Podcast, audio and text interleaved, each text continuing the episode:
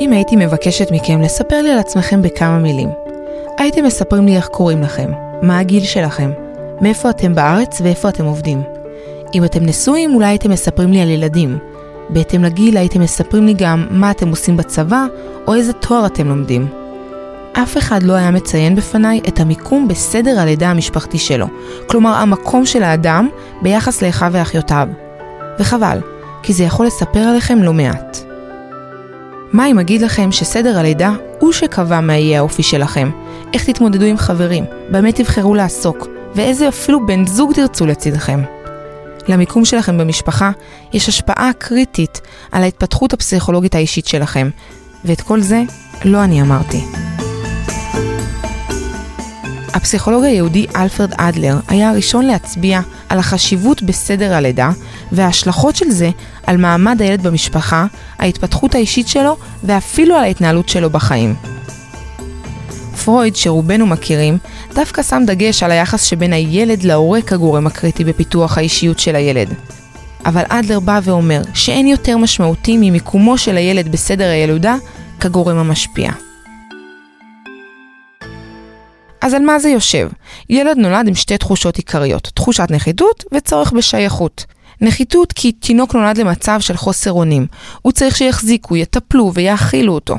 ושייכות כי אתה פשוט רוצה להרגיש חלק. דוקטור שמרית היימן תעזור לנו להבין את הרציונל שעומד מאחורי התנהגויות מסוימות.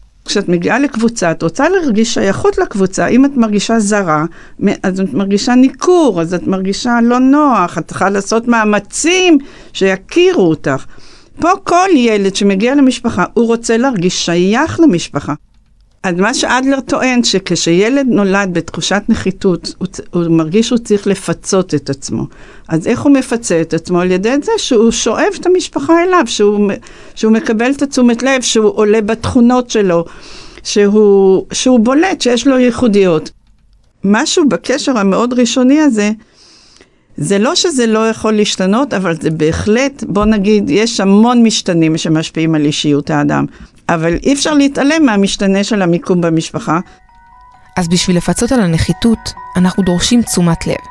ובשביל להרגיש שייכות, אנחנו רוצים להרגיש מיוחדים וייחודיים בתוך התא המשפחתי שלנו. ובדרך להשיג את כל זה, אנחנו הופכים להיות מי שאנחנו. אם תשאלו אותי, אני בכלל לא בעד לתייג ולהגדיר. אבל אפשר להיעזר בתכונות הבסיס האלה כדי להבין מה מניע אותנו, מה מניע את האדם שמולנו, מה קוד התוכנה שמפעיל אותו. אני מזמינה אתכם להאזין לסדרת הפרקים שתעסוק בהשפעת היותכם בכורים, אמצעים או בני הזקונים. בהגשתן של טליה סרור, שיר קובאני ואני, נויית שלם.